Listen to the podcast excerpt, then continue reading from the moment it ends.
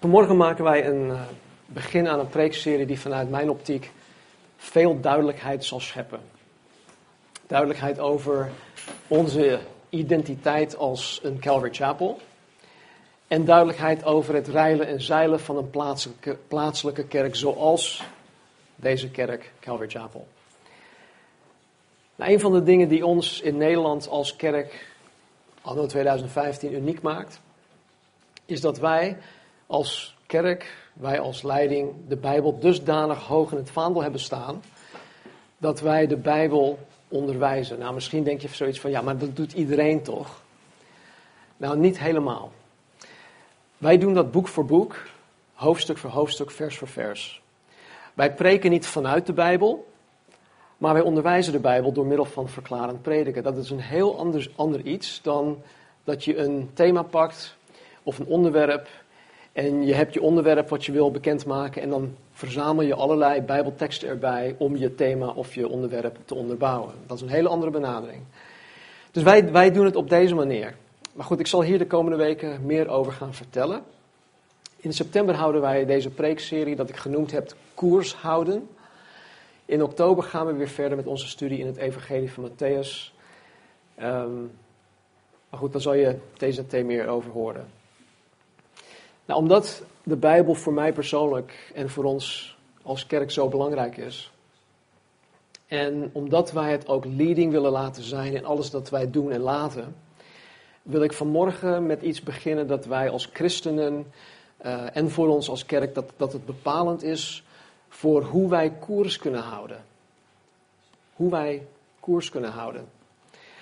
God heeft mij persoonlijk, God heeft mij persoonlijk God heeft jullie die wedergeboren zijn, God heeft de Calvary Chapel in Matthäus 28 de grote opdracht gegeven. Hebben jullie het ooit van gehoord, de grote opdracht? Nou, Jezus zegt dit. Na zijn opstanding gaf hij de elf discipelen, de elf overgebleven discipelen, de opdracht om naar Galilea toe te gaan. Hij zei via een van de vrouwen, zeg dit aan hun en zeg dat ik hun daar in Galilea gaan ontmoeten. En dan staat er dit. En Jezus kwam naar hen toe, naar de elf. Hij sprak met hen en zei: Mij is gegeven, mij is gegeven alle macht in hemel en op aarde. Ga dan heen, onderwijs al de volken, hen dopend in de naam van de Vader, van de Zoon en van de Heilige Geest, hun lerend alles wat ik u geboden heb in acht te nemen. En zie, ik ben met u al de dagen tot de voleinding van de wereld. Amen. Jezus gaf zijn elftal op dit moment de opdracht om de wereld in te gaan, om van de mensen discipelen van Jezus Christus te maken. onderwijs al de volken. In een andere vertaling of in, in, in de grondtekst staat er letterlijk: maak discipelen van mensen. Maak hun tot discipelen. En dat is de grote opdracht. En hoe de discipelen hier invulling aan hadden gegeven, is onder andere terug te vinden in het boek Handeling. En het is ook te vinden in alle, alle brieven die geschreven werden uh, na het boek Handelingen. We zien um, in, in, in Handelingen bijvoorbeeld hoe het evangelie van Jezus Christus door de discipelen werd verspreid. Naar zowel de Joden als ook de niet-Joden. We zien in handelingen in het bijzonder dat er plaatselijke kerken werden gesticht, door onder andere Paulus. En hierin zie ik persoonlijk dat de discipelen de grote opdracht vertaalden naar het planten, oftewel naar het stichten van plaatselijke kerken. Dus ze krijgen van Jezus Christus de opdracht: oké, ga, gaat heen, maak gaat heen, maak discipelen. En wat deden zij? Zij stichten plaatselijke kerken. Nou, we hebben naast handelingen ook de geweldige brieven van de apostel Paulus. Apostel Paulus heeft dertien brieven geschreven, bijna de helft van het Nieuw Testament. We hebben brieven van Petrus, van Johannes, van Jacobus, van Judas, van de schrijver van de Hebreeënbrief. En ze geven ons allemaal inzicht tot het vervullen van de grote opdracht. We hebben in onze Bijbel, onze Bijbel, het Oude Testament, 39 boeken, Nieuw Testament, 27 boeken onze Bijbel voldoende instructies van God gekregen om de grote opdracht uit te voeren. We hebben geen excuus om het niet te doen. We hebben ook geen excuus om het niet juist te doen. Nou, persoonlijk, en ik hoop dat jullie dit ook zien. Persoonlijk ben ik God ontzettend dankbaar voor deze elf mannen. De elf mannen aan wie Jezus deze grote opdracht had, had ehm, nagelaten. Of opdracht had gegeven. Want doordat zij de grote opdracht serieus hebben genomen, heel serieus hebben genomen, is het evangelie ruim 2000 jaar later bij mij aangekomen. Als zij dat niet hadden gedaan, dan weet ik niet of ik hier vandaag als wedergeboren christen zou staan. Nou, wij zijn, wat ik al zei eerder, is ehm, dat wij als, als Calvary Chapel uniek zijn. En dat bedoel ik niet dat wij, dat ik opschep of zo over, over Chapel, maar wij zijn gewoon uniek. Als kerk hebben wij onze eigen persoonlijkheid. Wij hebben onze eigen filosofie over hoe wij de bediening benaderen, hoe wij de bediening uitvoeren.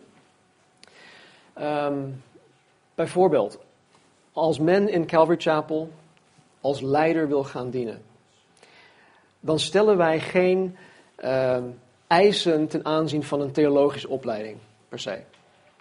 We zeggen niet, oké, als jij een oudste wil zijn, of als jij een voorganger wil zijn, of als jij een church planter wil zijn, dan moet je eerst vier jaar theologische hogeschool hebben gedaan, je moet papieren hebben, enzovoort, enzovoort. Nee, dat, die eis stellen wij niet.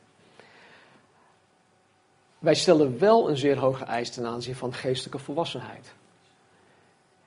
Geestelijke volwassenheid, dienstbaarheid is heel hoog in het vaandel. En dat ongeacht de leeftijd van de persoon. Kijk, ik deel nu iets heel persoonlijks. En dit is wat ik met mijn, met mijn kerkleiders ook deel. Degene waarin, waarmee ik in, in mijn leidersteam samenwerk, moeten, wat mij betreft, slaven van Jezus Christus zijn. Slaven van Jezus Christus. Niets minder en ook niets anders. Want de taak om een plaatselijke kerk te leiden in het vervullen van de grote opdracht is niet weggelegd voor mensen die hun eigen leven nog willen behouden. Die taak is niet weggelegd voor mensen die nog hun eigen ding willen blijven doen. Die zich nog vasthouden aan allerlei wereldse dingen, wereldse zaken. Jezus zei tegen zijn discipelen: Als iemand achter mij wil komen, dat wil zeggen als iemand mijn discipel wil zijn, als iemand een, een wedergeboren christen wil zijn, moet hij zichzelf verloochenen, zijn kruis dagelijks opnemen en mij volgen. Dit zijn niet mijn woorden, dit zijn de woorden van Jezus Christus. Hij stelt hoge eisen. Nou, het is met zo'n man, zo'n man van God, die zichzelf weet te verloochenen, die zijn kruis dagelijks opneemt, die Jezus Christus navolgt. Het is met zo'n man van God waarmee ik samen de Calvary Chapel kan en wil leiden. Laat dat duidelijk zijn. Nou, ik noem misschien een aantal dingen waarvan je misschien denkt van ja, dat ik veel te radicaal ben of te veel eisend ben. Uh, degene waarmee ik dien, die zullen beamen dat ik in, aan de ene kant in dit opzicht erg veel, ja, gewoon veel eisend ben, maar aan de andere kant uh, heel flexibel. Vanmorgen hadden we een mooi voorbeeld daarvan. André? Nee. Nee, maar weet je, het is niet dat ik, dat ik met een, uh, hoe zeg je dat, met een harde hand of zo alleen maar dingen van mensen opeis. Maar ik geloof ook echt dat wij wanneer wij de komende weken de Bijbel met elkaar gaan openen, wanneer ik zaken zoals de grote opdracht zal gaan behandelen, of het slaaf van Christus zijn, de geestelijke volwassenheid en de dienstbaarheid, wanneer we deze dingen gaan definiëren, dan zullen de meesten van jullie het eens zijn dat ik helemaal niet, dat ik helemaal niet zo radicaal en zo veel eisend ben. Want het komt vanuit Gods woord zelf. Nou, mocht je hierover nu al vragen hebben of mocht je vragen krijgen door, uh, door deze serie heen, wil ik jullie aanmoedigen, wil ik jullie vragen om deze vragen op te, op te schrijven. Zodat je de komende weken zal gaan zien dat God jullie vragen zal gaan beantwoorden. Ik weet het 100% zeker. Dat de vragen die jullie hebben of die jullie gaan krijgen, dat God deze vragen zal gaan beantwoorden de komende vier weken. En mocht je na de vier preken in deze serie nog vragen hebben, dan hoor ik dat graag. Maar dat zien we dan wel weer. Dus wees de komende vier weken alsjeblieft geduldig en verwacht biddend van God dat Hij dingen duidelijk voor je zal maken. Dat Hij tot ons zal spreken. Je moet het niet van mij verwachten, verwacht het van God. Nu dit.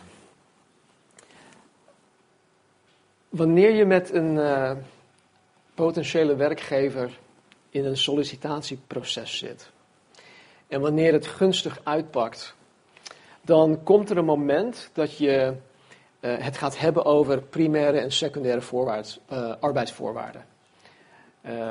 Ter, tertiaire, zegt dat goed? Of ja, dus over voorwaarden, arbeidsvoorwaarden. Tegenwoordig zijn arbeidsvoorwaarden een belangrijk onderdeel van mensdienstverband. Maar wat voor de een belangrijk is, is voor de andere misschien niet belangrijk. En er zijn natuurlijk heel veel verschillende beweegredenen waarom mensen per se die baan moeten hebben. Of die baan wil hebben. Misschien gaat het bij één persoon om een riant salaris. Ik kan daar veel meer verdienen. Of een leaseauto waarmee je gratis kunt rijden. Een laptop en een smartphone van de zaak. Of een degelijke pensioenregeling. Misschien is telewerken of een uh, ouderschapsverlof, aan, ouderschapsverlof aantrekkelijk voor jou, waardoor je die baan per se wil hebben. Misschien wil je parttime werken of fulltime werken. Je hebt doorgroeimogelijkheden enzovoort enzovoort. Nou, de werkgever is verantwoordelijk om haar afspraken hierover na te komen. Uh, er zijn de vakbonden voor. Uh, hoe heet dat? De, de OR, um, ondernemingsraad. Die, die zorgen ervoor dat de werkgevers uh, hun, belang, of hun verantwoordelijkheden um, nakomen. Tegelijkertijd wordt ook van de werknemer vereist, van niet van de werkgever, maar van de werknemer vereist, dat hij of zij de taak die hen toegewezen is, naar behoren uitvoeren. Je doet waarvoor je aangenomen bent. Vanuit de optiek van de werkgever is denk ik het belangrijkste, of een van de belangrijke dingen, toch dat de werknemer de aan hem of haar toegewezen taak efficiënt en effectief uitvoert. Als je in de commerciële business zit, dan uh, wordt er gekeken naar, nou, lever je, lever je geld op of bespaar je geld. Als je geen van die twee dingen doet, nou, dan ben je een, een last en dan wordt er heel anders naar je gekeken. Als je bijvoorbeeld van 8 tot 5 op je werkplaats actief moet zijn, en dan kom je niet structureel 5 over 8 of kwart over 8 binnen. En je gaat ook niet structureel 10 voor 5 de deur uit. Nee, als je een goede werknemer bent, dan ben je zelfs wat vroeger aanwezig, zodat je mentaal, uh, praktisch, misschien zelfs emotioneel of geestelijk op je werkzaamheden kan voorbereiden.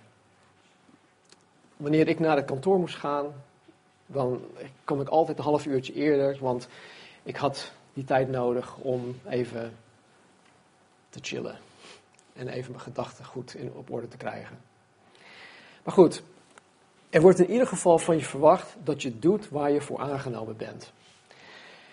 Het is niet zo dat je werkgever zich zal gaan houden aan alle primaire en secundaire en tertiaire voorwaarden, arbeidsvoorwaarden, en vervolgens naar jou toe komt en zegt: Luister, vriend. Zoals afgesproken krijg je van ons je salaris. Je krijgt alle overige emolumenten. Je krijgt benefits. Je krijgt al deze dingen. Geniet ervan. En uh, by the way, je hoeft er helemaal niets voor te doen. Kom naar de zaak toe wanneer het je uitkomt. Kom naar kantoor toe wanneer je er zin in hebt. Wij zullen ons houden aan alle voorwaarden, maar voor jou is het een vrijblijvend iets. Je bent tot niets toe verplicht en we zullen ook geen moeilijke dingen van je vragen of verwachten. Ja, dit is mij in de afgelopen 34 jaar in het arbeidsproces nog nooit overkomen. Jullie wel? Nee? Oké. Nee. Nou, ik denk dat, dat er zat mensen zijn die zich in zo'n regeling heel goed kunnen vinden. Maar zo hoort dat toch niet? Zo hoort dat niet. Men kan van geen enkele werkgever verwachten dat men alles van de werkgever ontvangt, zonder dat hij of zij de taak vervult waarvoor hij of zij aangenomen is. Dit is echt een absurde gedachte, dat weet ik. Maar ik probeer een puntje mee te maken. Want helaas gaat het er wel vaak zo aan toe in het christendom. of in de kerk, in de plaatselijke kerk. Denk even met me mee. Mensen komen in aanraking met het evangelie. Ze ontvangen Gods genade, zijn liefde, zijn barmhartigheid, vergeving van zonde. De mogelijkheid om uh, een persoonlijke relatie met God te krijgen. Ze ontvangen zelfs de gezonde leer. Ze ontvangen de mogelijkheid en de vrijheid om de Here in de kerk te mogen dienen. Ze genieten ervan om ergens bij te mogen horen. Maar al te vaak is Gods zaak, en dan bedoel ik niet een business, maar Gods zaak, Gods zaak, oftewel het uitvoeren van de grote opdracht voor veel kerkgangers een vrijblijvend iets. Het is vrijblijvend. Ja, dat was voor de elf discipelen. Dat is niet van toepassing op mij. Weet je, veelal is het onbaatzuchtig dienen van God en van zijn kudde een bijzaak voor kerkgangers, voor christenen. Veelal is er een gebrek aan plichtsbesef. Mensen willen tegenwoordig, tegenwoordig van alles ontvangen. Er is ook een bepaalde consumentenmentaliteit uh, ja, ingeslopen in de kerk. Waardoor mensen eigenlijk alleen maar naar de dienst toe komen om te consumeren. Maar ze willen niet bijdragen aan het vervullen van de grote opdracht. Dus de vraag is, hoe houden wij dan als plaatselijke kerk Calvary Chapel koers? Als wij de grote opdracht gekregen hebben en er heerst een bepaalde gedachte over, ja, maar dat is niet echt voor mij, dat is voor jou. Jij bent voorganger. Hoe gaan wij koers houden? Hoe gaan wij weten, hoe gaan wij leren wat Jezus van ons verwacht en hoe wij uh, verder gaan? Nou, ik ben er stellig van overtuigd dat de enige manier om koers te houden is om onze ogen, onze blik gericht te houden op het einddoel. Jullie die trainingen hebben gehad, jullie die managementtrainingen hebben gehad, jullie die allerlei andere trainingen hebben gehad, die weten dat je een doel voor ogen moet hebben. Je hebt korte termijn doelen, je hebt lange termijn doelen, je hebt een einddoel. Nou, goed. Ik ben er stellig van overtuigd dat wij onze ogen gericht moeten houden op het einddoel. Maar wat is dat einddoel? Wat is dat? Nou, Hebreeën vertelt ons wat het einddoel is. Hebreeën 12, vers 1 en 2. En dat is eigenlijk de basis of onze tekst die wij vanmorgen gaan behandelen. Hebreeën 12, 1 en 2. De schrijver zegt, wel nu dan, laten ook wij, nu wij door zo'n menigte van getuigen omringd worden, afleggen alle last en de zonde die ons zo gemakkelijk verstrikt.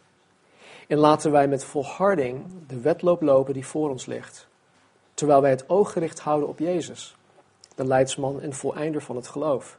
Hij heeft om de vreugde die hem in het vooruitzicht was gesteld, het kruis verdragen en de schande veracht, en zit nu aan de rechterhand van de troon van God. De Bijbel heeft um, verdelingen, hoofdstukverdelingen, versen toegekend. Eerlijk gezegd denk ik dat vers 1 en 2 gewoon bij dat, dat eerder gedeelte hoort, uh, hoofdstuk 11, want het, het sluit er heel, heel mooi bij aan. Want deze aansporing staat niet op zichzelf. Deze aansporing komt voort uit alles dat de schrijver daarvoor in de brief geschreven had. Vooral wat er in hoofdstuk 11 staat. Hoofdstuk 11 geeft ons een geweldige lijst van mensen, mensen van vlees en bloed zoals wij, die ons voorgegaan zijn in het geloofsleven. Het waren geen helden, het waren geen superhelden. Het waren mensen van vlees en bloed die met dezelfde ellendige dingen van dit leven te maken kregen als wij. Zelfs nog ergere dingen dan als wij. Lees in je eigen tijd um, Hebreeën hoofdstuk 11. Lees over hoe zij in het geloof stonden. Vers 1 zegt, juist omdat zoveel ons voorgegaan zijn in het geloof, dat wij, net zoals zij, alle last en de zonde die ons zo gemakkelijk verstrikt, moet afleggen en met volharding de wedloop moeten lopen die voor ons ligt. Volharding is iets dat ons tegenwoordig niet meer wordt geleerd. Ik zie dat bij, bij kleintjes. Ze willen zo gauw opgeven. En ze proberen, ik, nee, ik kan het niet. Nee. Oké, schat, het is oké. Kom, we gaan iets anders doen. Wil je dit, wil je dat? Nee, weet je, volharding moet er ingestampt worden. Wij moeten leren volharden in dingen. En voor, vooral in dit, wij moeten ehm, deze wedloop met volharding lopen die voor ons ligt. Nou, waar de geloofsgetuigen uit hoofdstuk 11 mee te maken kregen tijdens hun wedloop, en wat de, de last en zonde die ons zo gemakkelijk verstrikt inhoudt, dat zullen wij volgende week en de komende weken gaan zien. Ik, ik zal de komende weken elke keer weer terugkomen op, op Hebreeën 12, 1 en 2. Maar vanmorgen, omwille van de tijd, wil ik alleen gaan kijken naar het, het oog gericht houden op Jezus, de leidsman en voleinder van het geloof. Er staat, laten wij met volharding de wedloop lopen die voor ons ligt, terwijl wij het oog gericht houden op Jezus, de leidsman en voleinder van het geloof. Nou, allereerst, het oog gericht houden op Jezus betekent dat je je ogen van alle andere dingen moet afwenden.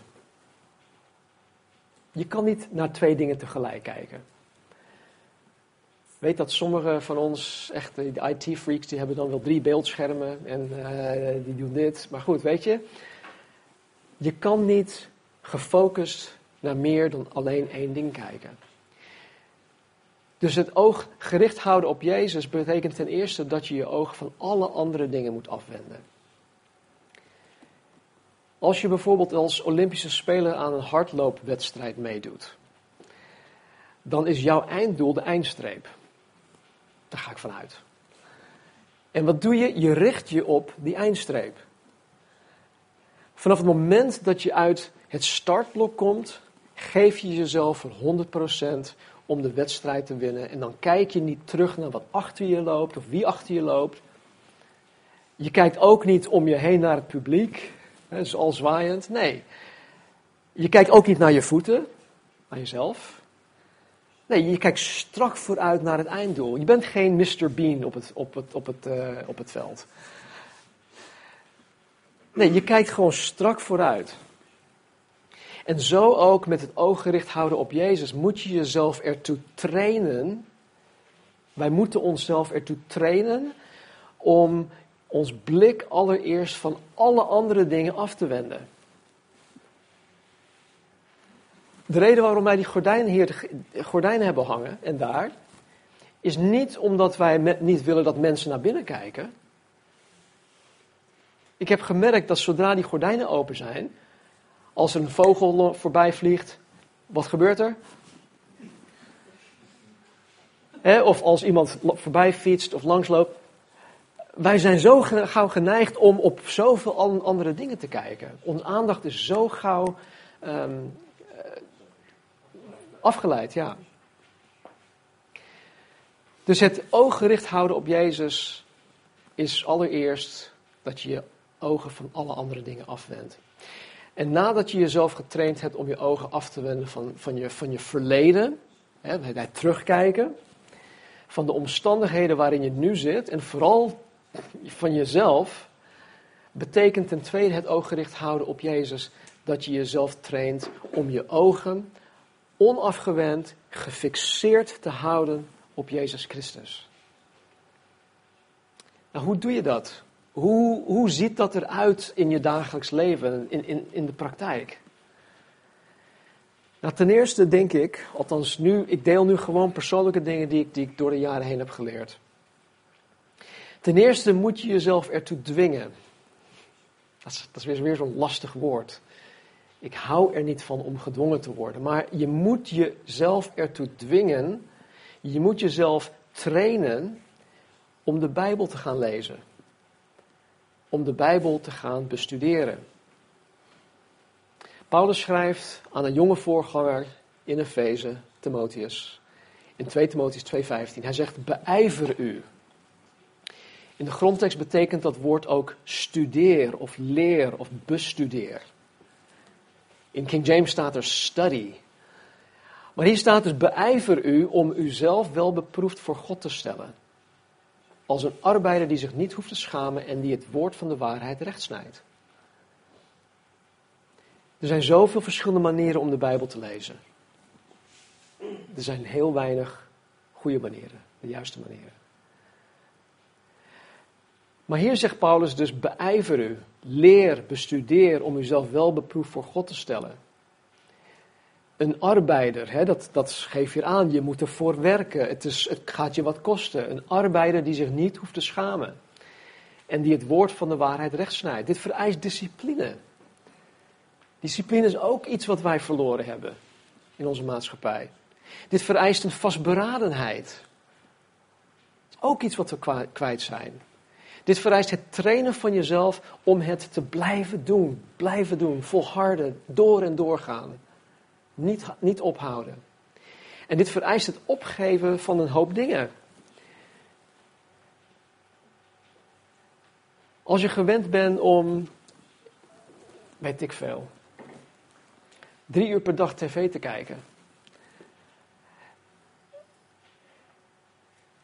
Dan, dan, dan denk ik, nou ik weet het wel zeker, dat als je niet aan Bijbel lezen of, je, of beijveren aan toekomt, dat God van je vraagt, nou misschien moet je wel eens een keertje nadenken over het tv kijken. Misschien moet je gewoon een uurtje minder kijken. Laten we daarmee beginnen, of een kwartiertje minder. Laten we eerst daarmee beginnen. Weet je, dus het, het, het, vereist dat je een aantal dingen gewoon opgeeft. Het vereist dat je, je, dat je je leven anders gaat indelen. Het vereist dat je het woord van God jouw prioriteit maakt. Anders lukt het niet. Wij zijn mensen die heel gauw afgeleid worden. En daarnaast is er ook nog een ander factor. Factor Satan die ons absoluut wil, wil weerhouden van het lezen en bestuderen van de Bijbel. En hij gooit van alles op je pad om je daarvan te weerhouden. Jaren geleden merkte Marnie en ik al dat op het moment dat wij wilden gaan bidden, dan komt er iemand aan de deur.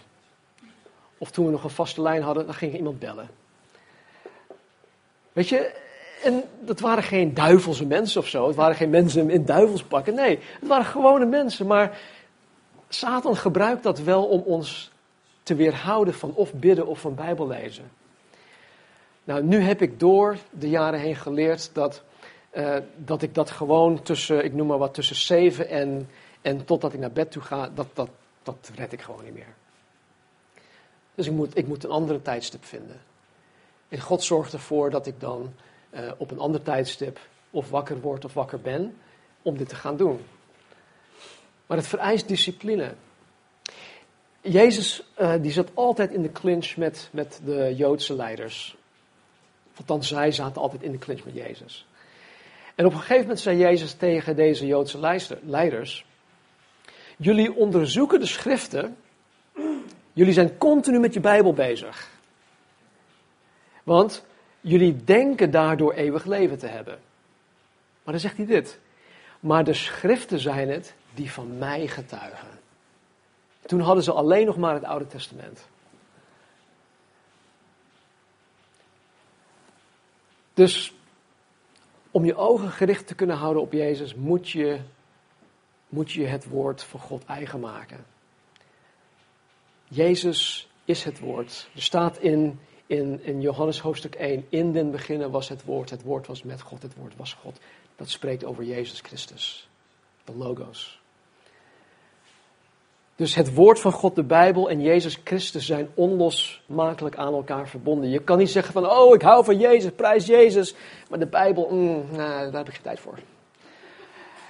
Oh, daar heb ik geen zin in. Nee, dat kan niet, dat bestaat niet. Het is net zo absurd als die arbeidsregeling waar ik het net over had.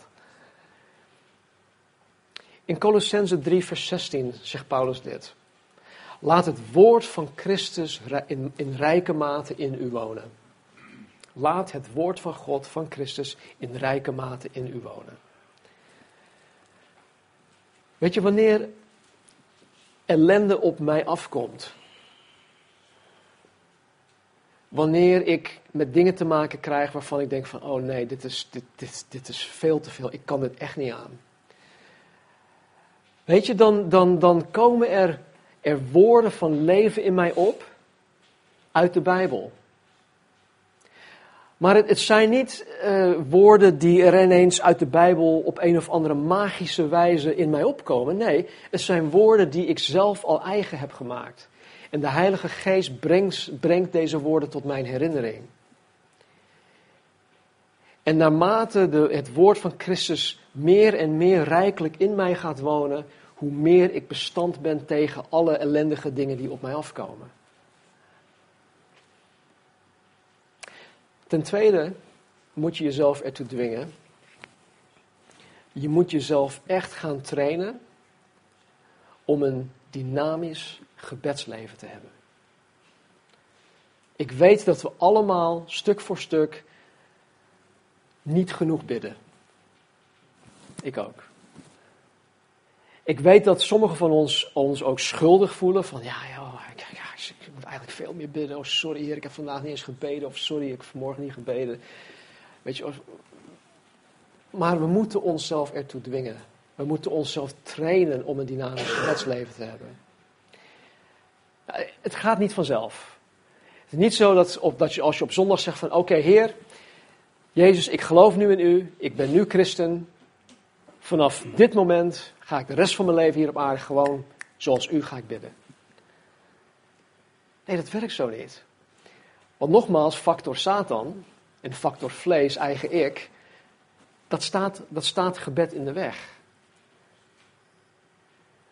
Zonde staat gebed ook in de weg. Wie van jullie voelt je niet schuldig om naar God toe te gaan in gebed als je iets stoms gedaan hebt? Als je weet van, oh nee, dat, dit had ik echt niet moeten doen.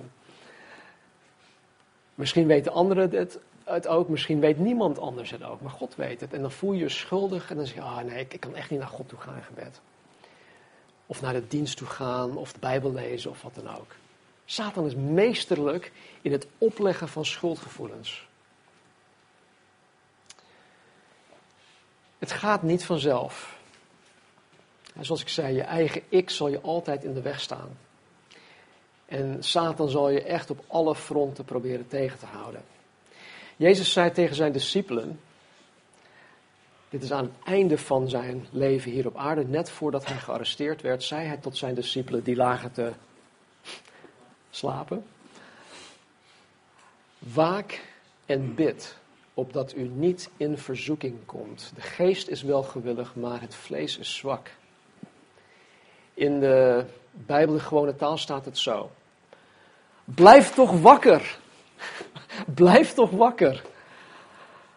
Bid God om kracht, zodat je geen verkeerde keuze maakt. Want jullie willen wel het goede kiezen, maar jullie zijn zwak. Jezus leert ons dat wij moeten bidden, opdat wij niet in verzoeking komen, opdat wij geen verkeerde keuze maken. Weet je, het verbaast me elke keer opnieuw wanneer mensen verkeerde keuzes maken. En als ik dan de gelegenheid krijg om met die personen of met die persoon te mogen praten daarover. Het eerste wat ik dan vraag is: heb jij ervoor gebeden en heeft God jou die keus laten maken? Als mensen bij mij willen counselen, het eerste wat ik vraag is: heb je er zelf voor gebeden? Heb je de Bijbel daarover gelezen? Heb je God echt gezocht om jouw probleem op te lossen? En omdat ik nu toch minder tijd heb, um, of laat ik het zo stellen, omdat ik nu meer tijd wil gaan besteden aan het bestuderen van Gods woord, zodat ik jullie goed kan voeden. Op zowel de zondag, maar ook op andere dingen. Dus zal ik ten eerste denk ik zeggen, oké, je komt naar me toe. Ik heb, oh, mijn hele leven is is dit en dat, maar mijn hele leven staat ondersteboven. Een van de dingen waar wij het over gaan hebben is, heb jij er zelf wel voor gebeden? Heb jij er met God over gehad? Heb je Gods wil hierin gezocht in de Bijbel?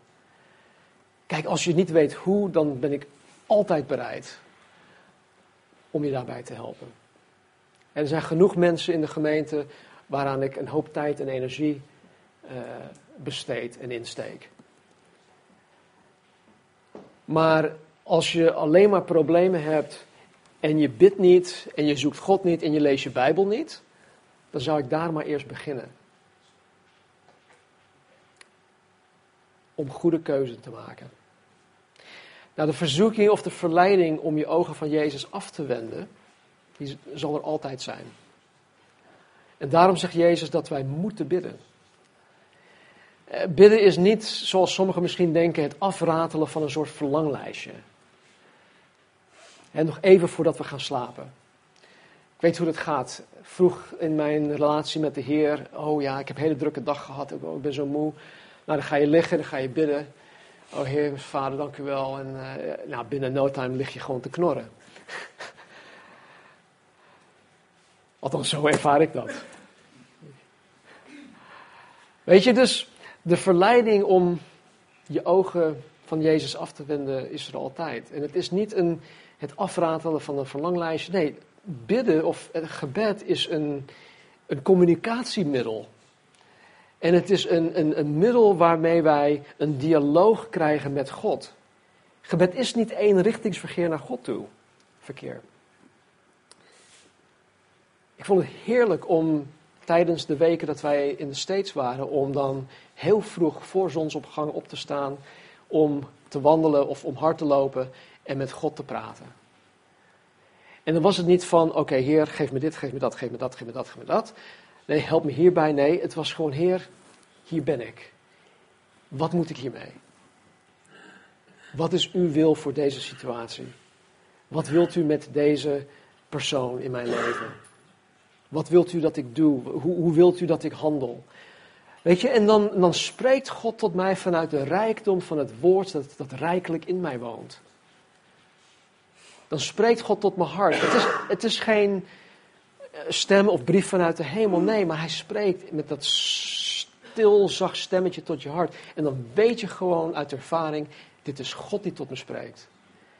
Hier moet ik iets mee. En dat is gebed. Gebed is communiceren met God, het is communion met God. In gebed kom ik bij God in dankbaarheid. Ik kom tot God in lofprijs en aanbidding. Ik kom tot God in gebed om zijn raad te ontvangen, om goede keuze te maken. Ik kom tot God in gebed om, om Hem, om Jezus Christus beter te leren kennen. Om het einddoel beter in focus te krijgen. Paulus die was een, een, een, een geweldige bidder, als zoiets überhaupt bestaat. Maar hij wist hoe te bidden en hij bad ook voor anderen. Hij, hij zegt in Efeze 1, vers 17. Dit is uit de Groot Nieuwsbijbel. Ik smeek de God van onze Heer Jezus Christus, de Vader, aan wie alle eer toekomt, dat Hij u, dus de lezers en ons, de geest van wijsheid en inzicht zal geven, zodat u Hem echt leert kennen. Hij bidt voor ons, hij bidt voor zijn lezers in Efeze, dat God ons de geest van wijsheid en inzicht geeft, zodat wij Hem echt leren kennen.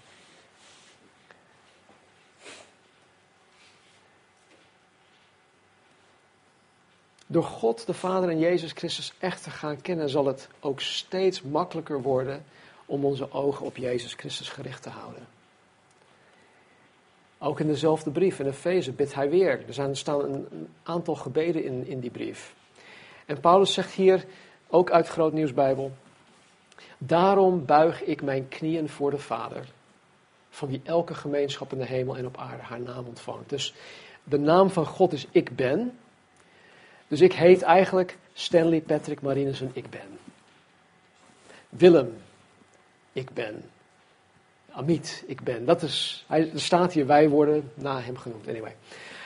Ik vraag God dat Hij u door de geest uit de rijkdom van zijn glorie de kracht geeft om innerlijk sterk te zijn. Om innerlijk sterk te zijn. Dan kan uw hart door het geloof de blijvende woning van, van uh, Jezus Christus zijn. Ook bid ik dat u geworteld en verankerd mag zijn in de liefde. En dat u met allen die hem toebehoren in staat zult zijn te bevatten hoe breed, hoe lang, hoe hoog en hoe diep de liefde van Christus is en te begrijpen dat de liefde elke kennis te boven gaat. Mogen u geheel vervuld worden van de volheid van God. Ik denk dat het een heel goed iets is als wij deze gebeden überhaupt ons eigen maken. Dat wij dit voor onszelf bidden. dat wij dit voor onze echtgenoot of echtgenoten bidden. Dat wij dit voor elkaar bidden. De dingen waar Paulus voor bidt, dat zijn gewoon prachtige dingen. Het heeft niets met materiële dingen te maken, heeft niets met ons gemak te maken.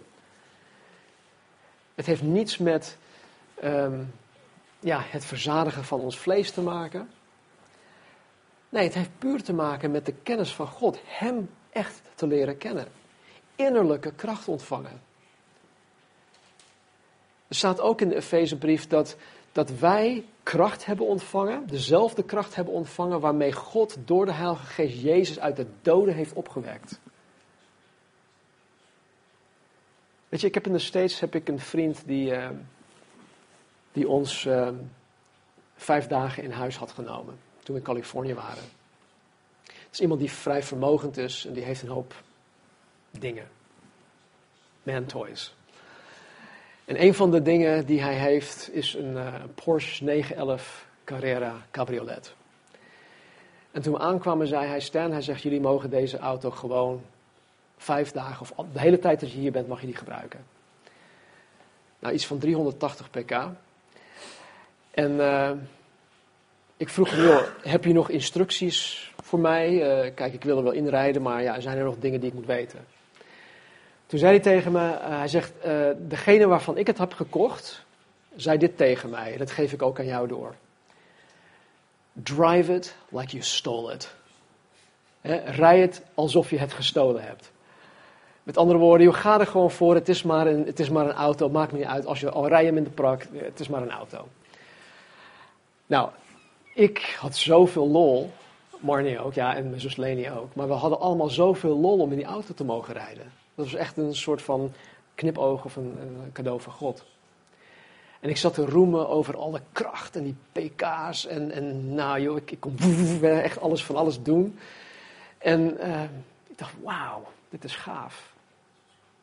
Maar de kracht waar God het over heeft. De kracht waarmee God Jezus uit de dood heeft doen opstaan, die leeft in ons. Die is beschikbaar gemaakt voor ons.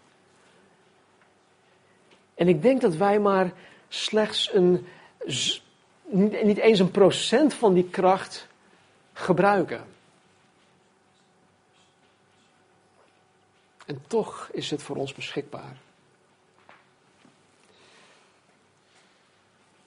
Nou, er zijn nog veel meer dingen die wij, die wij op een praktische wijze kunnen doen om onze ogen gericht te houden op Jezus. Maar ik zie dat het, dat, dat gaat vanmorgen niet meer lukken.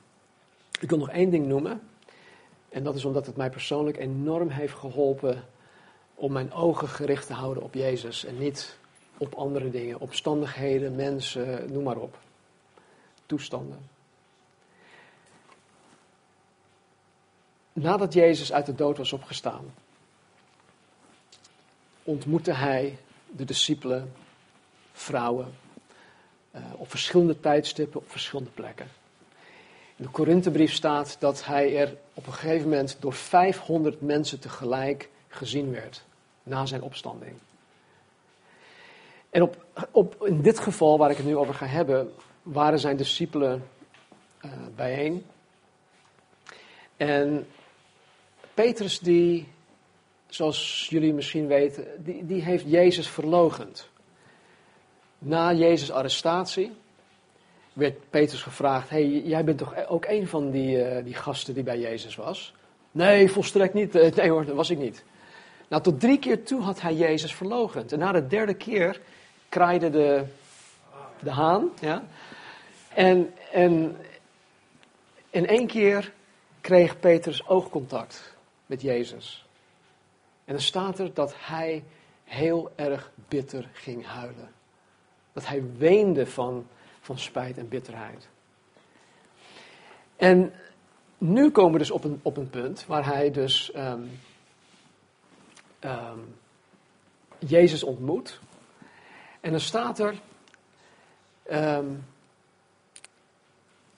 in Johannes 2, 21, 22, uh, Petrus herstelt, of Jezus herstelt Petrus. En dan nadat Petrus wordt hersteld, vertelt Jezus hem hoe hij gaat sterven omwille van Jezus. Hoe hij gaat sterven omwille van Jezus. En dan zeg je Petrus dit. Maar hoe zit het dan met Johannes? Wat gaat er dan met hem gebeuren? En dan, dit is het antwoord van Jezus. Het is niet jouw zaak, Petrus, of hij in leven blijft totdat ik kom. Maar jij moet mij volgen. Weet je, zo vaak houden wij ons zoals Petrus hier met andere mensen bezig.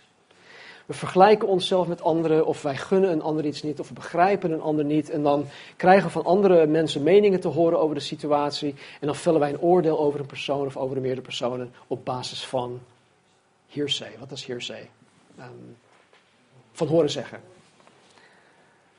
En Jezus zegt hier luid en duidelijk dat wij op Hem moeten vertrouwen met wat Hij met die of die aan het doen is. Het is niet mijn zaak of jouw zaak om Gods weg met iemand in twijfel te trekken. Maar het allerbelangrijkste in wat Jezus hier tegen Petrus zegt is dit. Jij, Petrus, moet mij volgen. Met andere woorden, jij moet je alleen maar bezighouden met je eigen relatie met Jezus.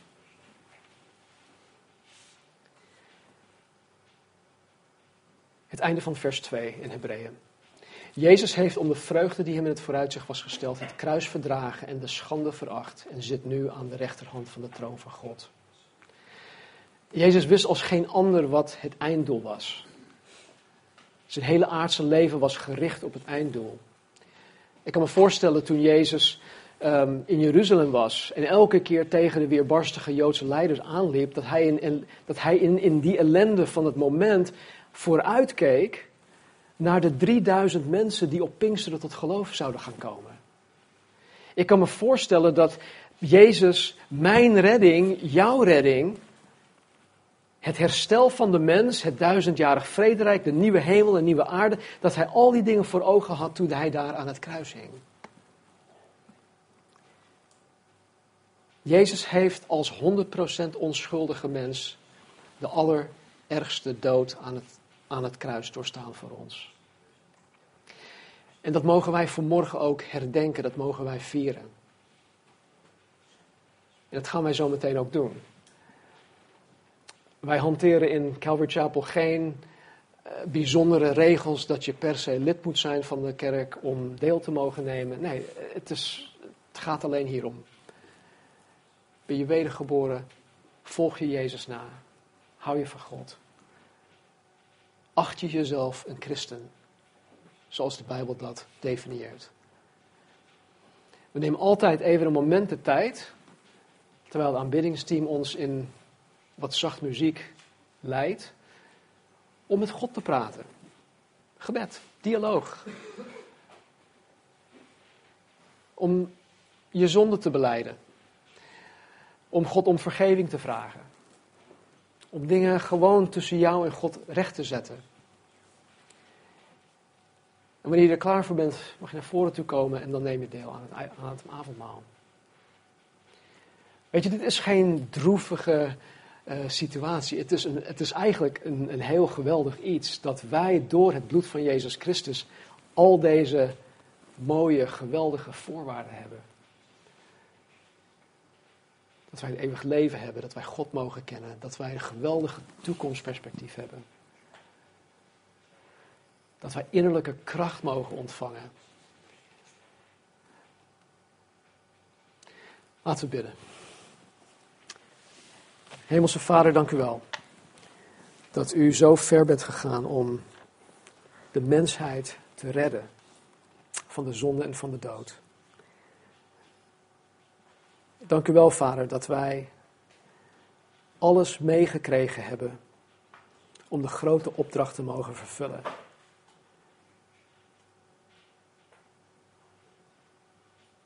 Dank u wel, Vader, dat u Jezus Christus hebt gegeven als ons ultieme voorbeeld.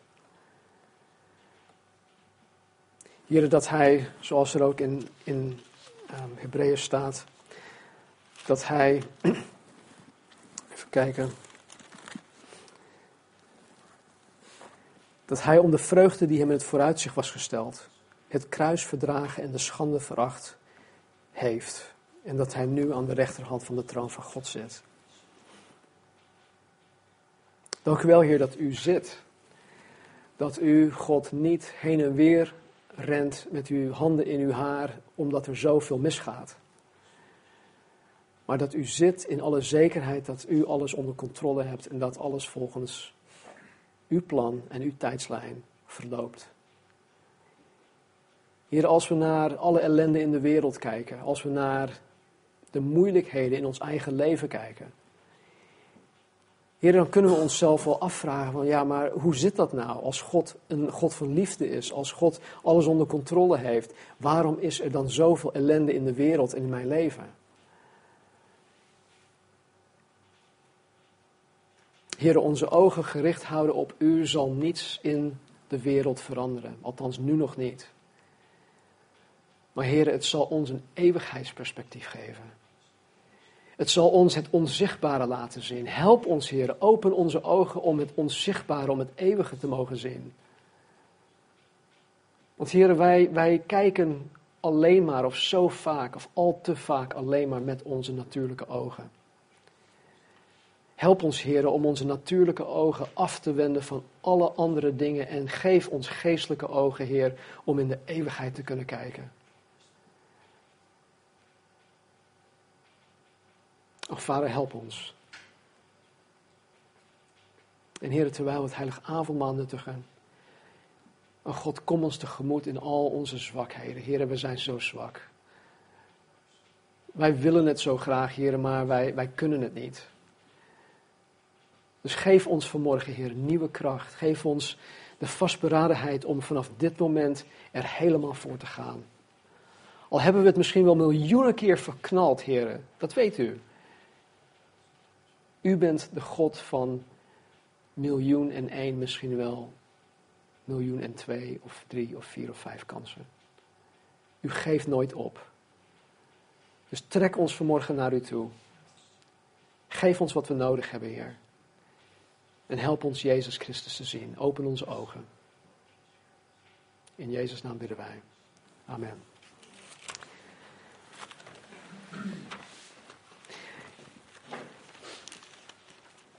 Vlak voordat Jezus Christus gearresteerd werd, voordat hij gekruisigd werd, was hij samen met zijn twaalf discipelen. Op een gegeven moment zei hij dat een van hen hem zou gaan verraden. En ze vroegen zich allemaal af van, oh, hier ben ik het. Niet van, hey, is hij het? Nee, dus hier ben ik het. Ga ik u verraden? En dan staat er tijdens de paasmaaltijd Terwijl zij aten, nam Jezus het brood en toen hij het gezegend had, brak hij het en gaf het aan de discipelen. En hij zei, neem, eet, dit is mijn lichaam. Hij nam ook de drinkbeker en nadat hij gedankt had, gaf hij hun die en zei, drink allen daaruit. Want dit is mijn bloed, het bloed van het nieuwe verbond, dat voor velen vergoten wordt, tot vergeving van zonde. Ik zeg u dat ik van nu aan de vrucht van de wijnstok niet zal drinken tot op de dag wanneer ik die met u nieuw zal drinken in het koninkrijk van mijn vader. Nogmaals, Jezus blikt vooruit. En dan komt dit. En toen zij de lofzang gezongen hadden, vertrokken zij naar de olijfberg. Jezus Christus, wetende wat hem in de komende uren te wachten stond, zong met zijn discipelen een lofzang. Weet je, ik kan me soms zo rot voelen wanneer ik hier ochtends op zondag binnenkom. Dan heb ik een, een, week achter de rug, of dan heb ik een ochtend of een weekend achter de rug waarvan ik denk van, nee, nee, ik voel me zo rot. Ik baal van zoveel dingen. Maar dat is toch echt helemaal niks vergeleken met, met, wat, met wat Jezus in zijn vooruitzicht had.